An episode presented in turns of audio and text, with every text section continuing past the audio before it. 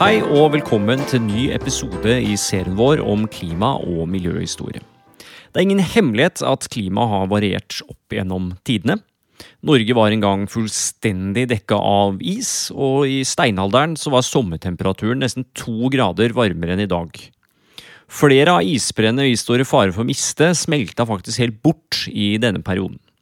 For klimaskeptikere er dette bevis på at temperaturstigningen og andre klimaendringer vi nå opplever, er en naturlig del av jordens kretsløp. Stemmer egentlig det? Uavhengig av årsak byr fortidens klimaendringer på en gyllen mulighet til å undersøke hvordan tidligere samfunn ble tvunget til å forholde seg til skifter i vær og vind, akkurat som vi. Med meg for å nøste opp i dette har jeg arkeolog Per Ditlef Fredriksen og historiker Dominic Collett, begge tilknyttet Universitetet i Oslos Oslo School of Environmental Humanities. Dominic kommer fra det glade utland, så resten av denne samtalen vil foregå på engelsk. Thank you both for coming on the podcast. I would like to begin us off by discussing some of the broader trends in climate change in Europe over the past roughly 1200 years, from medieval times to modern day. Uh, but first, I'm curious to know how can you actually estimate the climate of the past? Per Ditlev, uh, you're an archaeologist. What kind of sources do we rely upon to, to measure the historical climate? Well, well, first and foremost, we rely on um, data that we get from the uh, vegetation history that we have.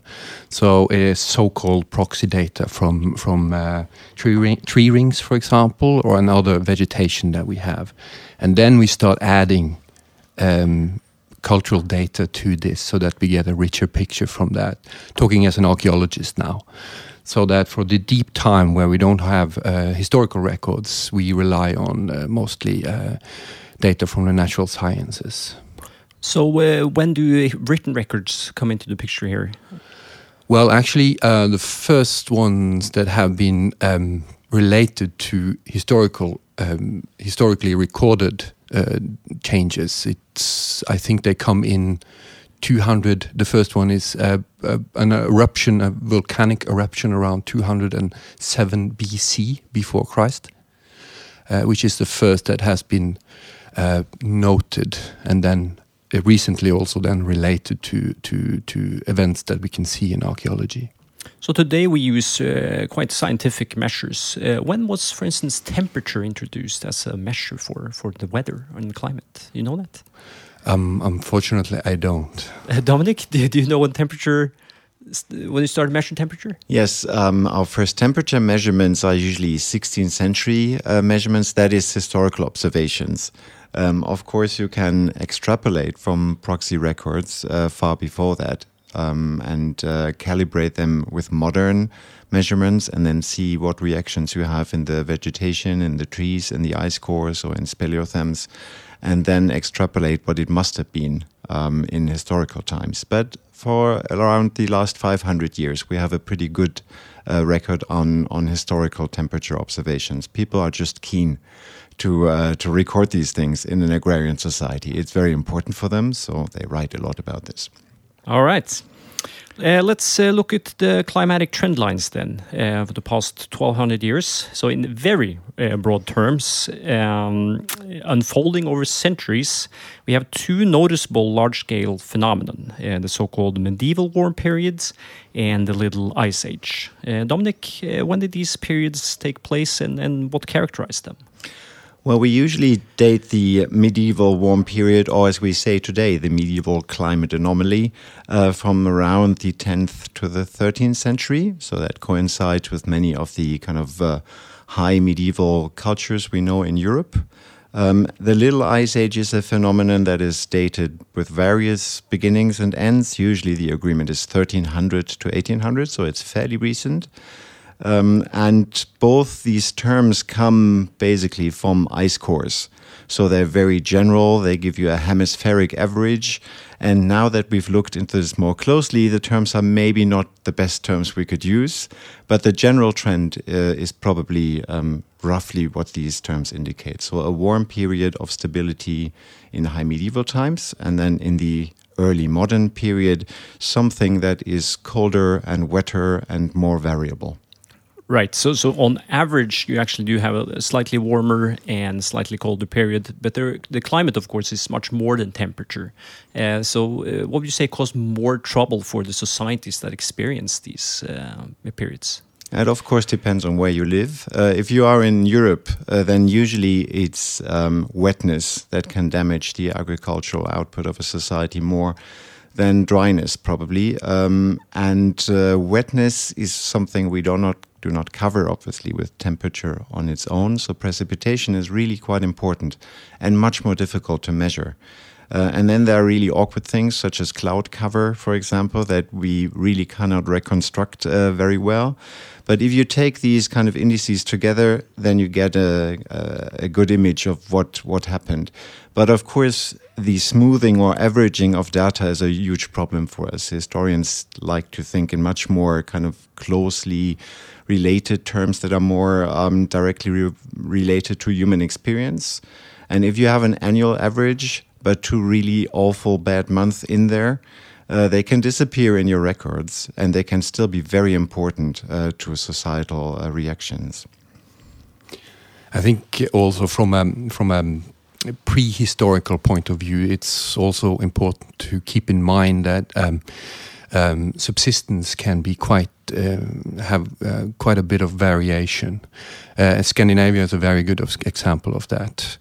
Uh, most of the Iron Age, for example, is, is uh, they rely on, on farming, but it's agro-pastoralism, so that they can shift weight between farming and keeping stock, for example, and different kind of stock, and use outfields, utmark. Uh, so they they can then shift around depending on, on where they are, and they the the, the major climate shifts that we see, we also see different responses depending on where you are people in people on the western part of Scandinavia, for example, just shift their weight over to more fishing if they need to do that. So there's also subsistence is a whole. Uh, whole uh, it's um, it's quite a uh, broad scale of activities that you can engage in, and depending on on what's favorable, you you shift away to that. For the later periods, we also have, of course, the uh, the uh, additional benefit of having more data uh, available. So we can look at stuff that is not just climate, not just a 30 year average that nobody of us could observe directly with our human senses. That is more of an abstraction. So increasingly, we have gone from paleoclimate reconstructions to paleoweather, where we talk about phenomena that are more closely related. And very often, when we see these fluctuations in historical um, environments, then it is these extreme events that um, impact societies uh, most. And it's probably something that is similar to what we're expect we'll be expecting um, with the current climate change. So these things are quite important, and they tend to get lost in the kind of smoothed uh, overall data. But there are ways, of course. Uh, tree rings, for example, can give you even sub-annual records if you treat them well. Uh, and the, the trees are, are uh, in an area where, where they are impacted very much. Uh, and of course, people can record weather, you know, in an uh, hourly basis. There are some obsessive monks that uh, go up the church tower and record it every couple of hours. So that's that's a good record that gives you a much closer reconstruction of what happens. Uh, but these uh, warm and, and, cold periods uh, are examples of long term natural climate change. And as I mentioned in the intro, skeptics maintain that today's climate changes similarly are due to natural variation. But most scientists take an opposing view, claiming that we have entered an entirely new geological epoch, the Anthropocene. Uh, per Ditlev, what is so special about the climate changes of our times that we ought to distinguish them from, from those of the past? Well, if you go to the definition of Anthropocene, it's actually um, the geological phase where human society is the major factor in uh, to climate change, um, and, and, what that influences climate change the most. And from my point of view of having a deep historical there's there's a history of five million years of of um, human or near, near human uh, activities, and this is unprecedented uh, uh, in terms of the uh, impact that human activities can have on on a global scale. we do know that uh, humans impact their environments to different degrees and different scales through history, just to mention farming and also urbanism, deep time urbanism. But in terms of, of uh, something that's measurable globally, uh, we haven't seen that before, hence the term Anthropocene. Yeah, I think the changes that we're witnessing today are on, on a on a you know extremely different scale from anything we observe historically.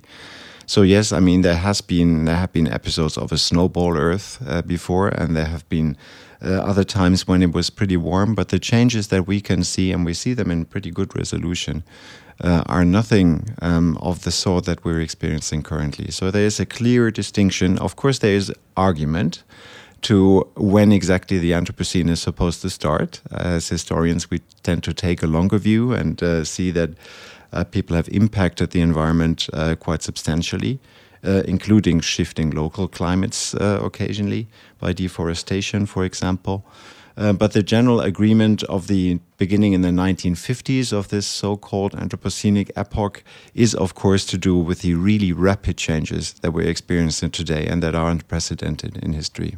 So, so the, the, the causes are different. The speed is, is much faster, and, and also, I guess, the scope is is uh, different. Now we we see one sort of uniform uh, change uh, with variations, of course, but it's happening all over the world. It's a global phenomenon.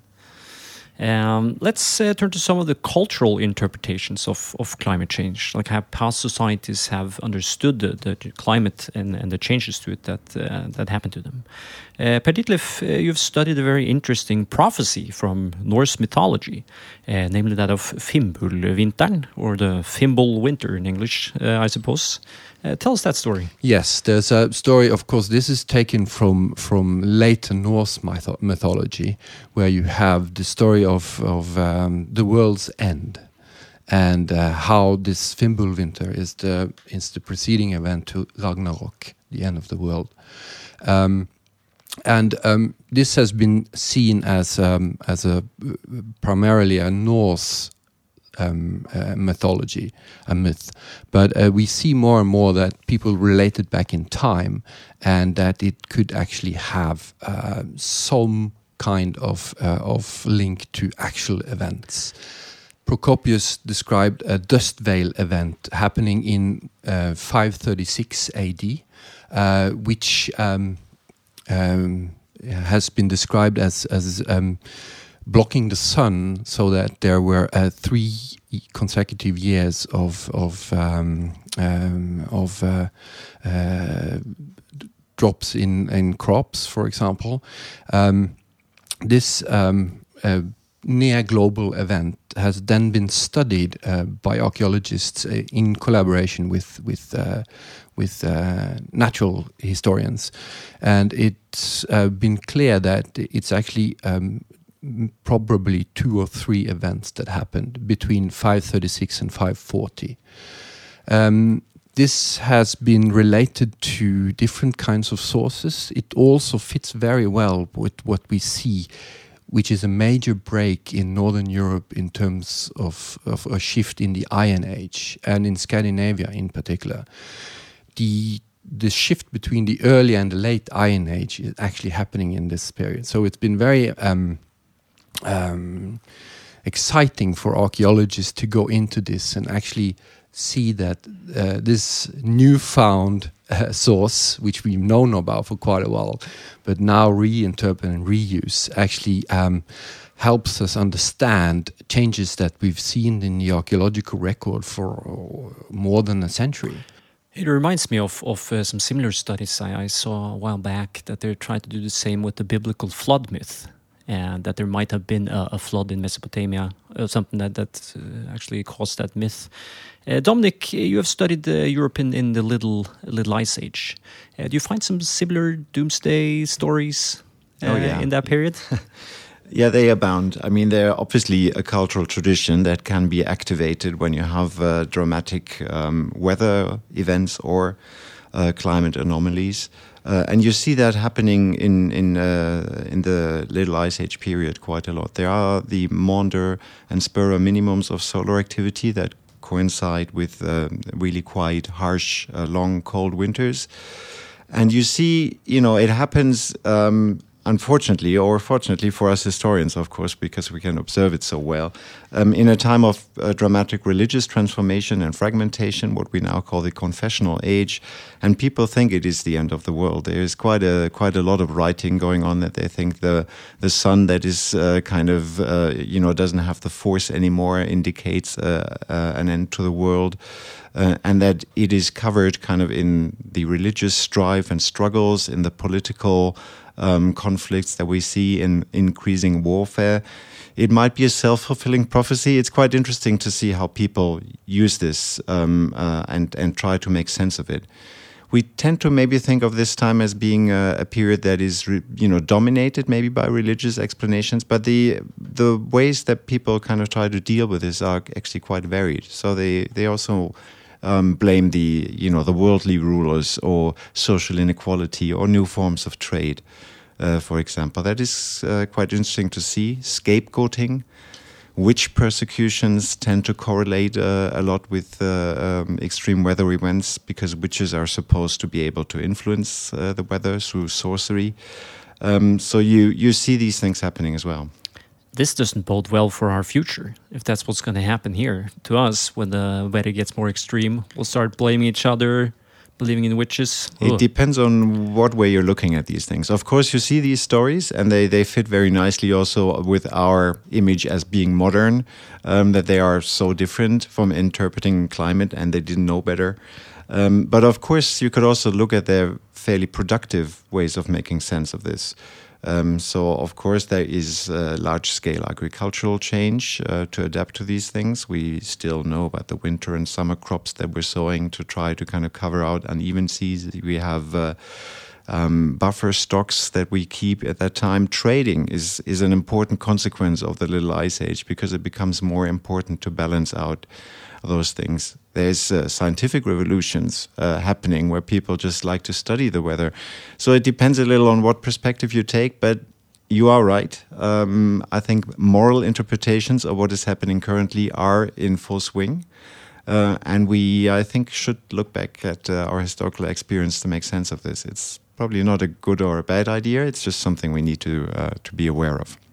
Yeah, no, of course the um, the record we have deeper in time is more coarse than we have for historical time periods. But it's very interesting to see because it's an it's a it's a good explanation for us today that climate uh, as as a as a factor that changed societies. But for those in it in the 530s, for example, uh, with the 536 536 event. Um, we see uh, it's an interesting uh, entry point into rationale to see how they respond to these kinds of uh, events coming from outside in one way or another. Um, for example, we see that uh, uh, the circulation of gold suddenly stops quite mm. radically. We also see that, so the implication being that much more of this is offered in in having um, uh, sacrificed uh, to um, to deities of of uh, some sort. Um, but also that we see that uh, on a practical level, people pull pull together from from living quite dispersed when climate is good, that opens up for using a lot of resources and pastures, even in mountainous areas. When the weather get worse, you pull together and then you live, you live uh, more condensed. And we know who gains from that. That's always the richest and most powerful. And one of the main mechanisms of the 536 event um, circulating currently in, in, in, in, my field is that this was made a major catalyst for um, for the centralization processes that ended up in the with with the Kingdom of Norway eventually. So actually, this was the beginning of centralization processes, where where when um, when there are events of this type, after the climate change, of course, there were pests like the um, like the um, uh, in the the events that we see in the five five forties to the five seventies. The Justinian plague. The Justinian plague. Um, and uh, when we see that kind of uh, uh, weakening of society, we know who gains from it. So um, actually, 536 has gained prominence as one of the major factors of centralization processes that ended up with this country. Yeah, we see similar things in the later period. These uh, witch hunts, for example, that seem so awkward and, and irrational to us today, they were actually quite a clever method of integrating yourself into a welfare community by expanding, you know, or is or uh, demarcating people that are on the outside, like witches or Jews, vagrants, you can make better claims to actually participate in a in a polity and uh, and and claim welfare benefit and support. So you see the same kind of stabilization um, that is a bit illogical because these societies are under threat, of course. Um, but there are these transformations uh, that you that you can witness. Well, I guess it's a well-known phenomena in, in warfare that it says like when you when you have an external enemy, uh, you get internal unity. Yeah, uh, but people are quite strategic about it. I think uh, we tend to think of these uh, these societies as being basically driven by by fear or instinct. But uh, when you look at the periods, you can see it's a it's a bottom up event, right? People are quite active in pursuing these agendas and sometimes they just use climate to pursue uh, interests that they have harbored for a long time, but they couldn't put them into practice. And then a really dramatic weather event comes, and suddenly people think like, well, yeah, maybe general schooling and uh, welfare and, and poor houses are not such a bad idea after all. So it can be paradoxically quite an, uh, a driver for innovation also. Yeah, do you think that will happen? That we will see some of that today. That people will actually uh, they they will say it's because of the climate, but uh, they will actually have this agenda long before the climate. well, yeah, I think I, it is obvious that we, you know we are so linked to our environment. Something we probably don't you know realize in our everyday uh, culture because we think we live in a second nature or something. But we are so linked that obviously people will use these changes to further their own interests. And I think it also kind of brings back some of the hidden conflicts that we don't like to think about too much. That is something we see in historical societies when you have these kind of religious persecutions that go on in the underbelly of those societies, then suddenly they come back. Uh, to haunt these uh, um, groups when when the external stressors uh, hit them. So I think it is probably uh, an interesting period to see, uh, you know, how we will we will cope with these things in in the future. Uh, today, we are when we think about climate change, uh, we say you know we have to change. Change is sort of the word of the day, um, or, or adaptation. Uh, it's word that's often used. Uh, how has this been historically? Has has people necessarily changed? You said that they sort of hunkered together and, and consolidated. Um, what are the different strategies that you can that we've seen societies use to to deal with with climate change? Well, it's certainly um, a rich repertoire, I would think, uh, to to look at histo uh, historical um, experiences of this and and see what what can be done. Certainly, we see that it is difficult for them to change. Also, it's not just us that really like to stick to our you know holiday plans or our um, consumption uh, patterns. If you live in a grain society, and that is what many of the European early modern societies are, they get most of their calories, about 80% from grain, then you have certain limitations of what you can do. It's, you know, it's very good to, to have a, you know, uh, the authorities in power, they can take grain away and store it and, and rob it and make it into money or, but it of course give, closes other doors to you. Um, so there are limitations to what they can change. They can change some things, but not the, the main calorie source. But then you see, for example, the experience of these um, uh, people that go to the Americas, where you have a very different climate. There's no Gulf Stream, it's a lot colder, and they have to change substantially. It takes them about 100 years, but then they use new crops. They plant tobacco and maize uh, or corn um, and uh, use other forms of farming. They also develop these plantation ecologies that include slavery, uh, obviously. But it is a perverse, let's say, re reaction to a changed uh, environment. So it is possible. It's just that we won't have a hundred years, I guess. So we need to look carefully um, what we can uh, learn from those lessons. I think it's important to keep in mind that um, um that um, climate change is is certainly um, unprecedented in history. What we see now, but it's uh, as an explanation. If we talk about it as an external explanation and how a society reacts, is perhaps is not we have theory and we have and we have history to help explain it more.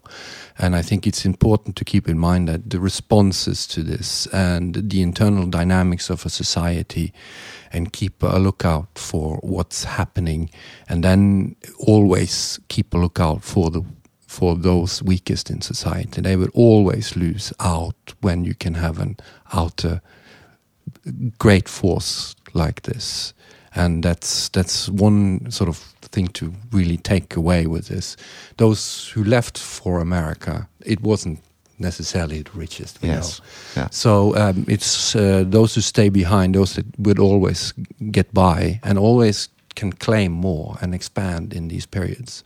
To keep it's uh, it's a good old Marxist um, argument, but it, it stands true when it comes to understanding society and, and the workings of it. Yeah, I think a lot of the popular imaginaries that we, we have about how so societies react to this are framed by conflict and collapse and migration, and they're often in a kind of negative declensionist view of what history is.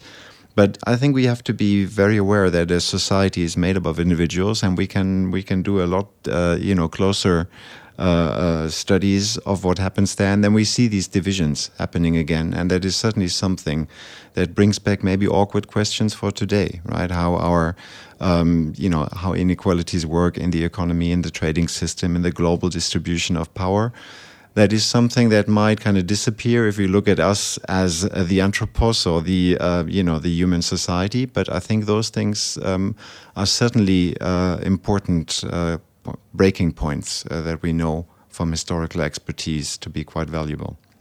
Uh, you are both working within a relatively new academic field, environmental humanities. Uh, going forward, what will be your contribution to history and archaeology in, in general? Well, I think uh, if I look at the current debate um, on on the climate issues, I think it is still largely dominated by um, scientific um, explanations and fact finding, and that is very important uh, for us. But I think it translates ill into our life worlds into our daily life. We still talk about degree changes, and that is certainly something in my practical work I do all the time. But I think what we're missing is narratives and experiences that are a bit closer to our human life world. That's something that I would like to contribute, certainly, and to maybe enrich the debate a little to go beyond techno fixes and uh, geo engineering solutions because those weren't available to historical societies, but they managed, right? But they had other ways of doing this. That's maybe something we need to rediscover. Maybe the um, social um, appropriation of those uh, climatic changes are important to, to bring into the discussion today. Yeah, I think it's continuing along those lines. I think it's important that we um, we are situating ourselves in a way that we traverse between the natural and social sciences. And so um, we're in a position where we can talk about um, um, uh, climate, for example, uh, as a catalyst for understanding historical and, and political processes in a long long term perspective, which uh, needs us to know the data on both sides if we if we call it a divide which it shouldn't be. And um, from that perspective it's really really important for example to to uh, for for me working in deep time for example is to have uh, use uh, the natural sciences to get improve the chronology for example of understanding what the, the, sequence of events to understand what happened, and then take that into the historical um, dimension of it and then see how it fits with the social and political data. Um, you have to know both. You have to know a bit of both sides in order to do that. And I think actually one of the things that Oslo School of uh, Environmental Humanities can offer is to actually end up with, uh, in the long term perspective, end up with candidates who have a different training from, from for example, me as a as a Yes. typically trained archaeologist, knowing a lot about potsherds, but not necessarily that much about tree rings uh, and and ice cores. I would like to see that change. So it's important that we actually also, as as uh, being in, in, in, in a position where we actually uh, can uh, can um, be academics full time. Uh, that we can actually um, um, offer an alternative, and then uh, so that people can and uh, new students can and can work differently from us. That would be very helpful for me. To see, I can see where I'm not as good as I should be, and I'd like uh, my students to be better.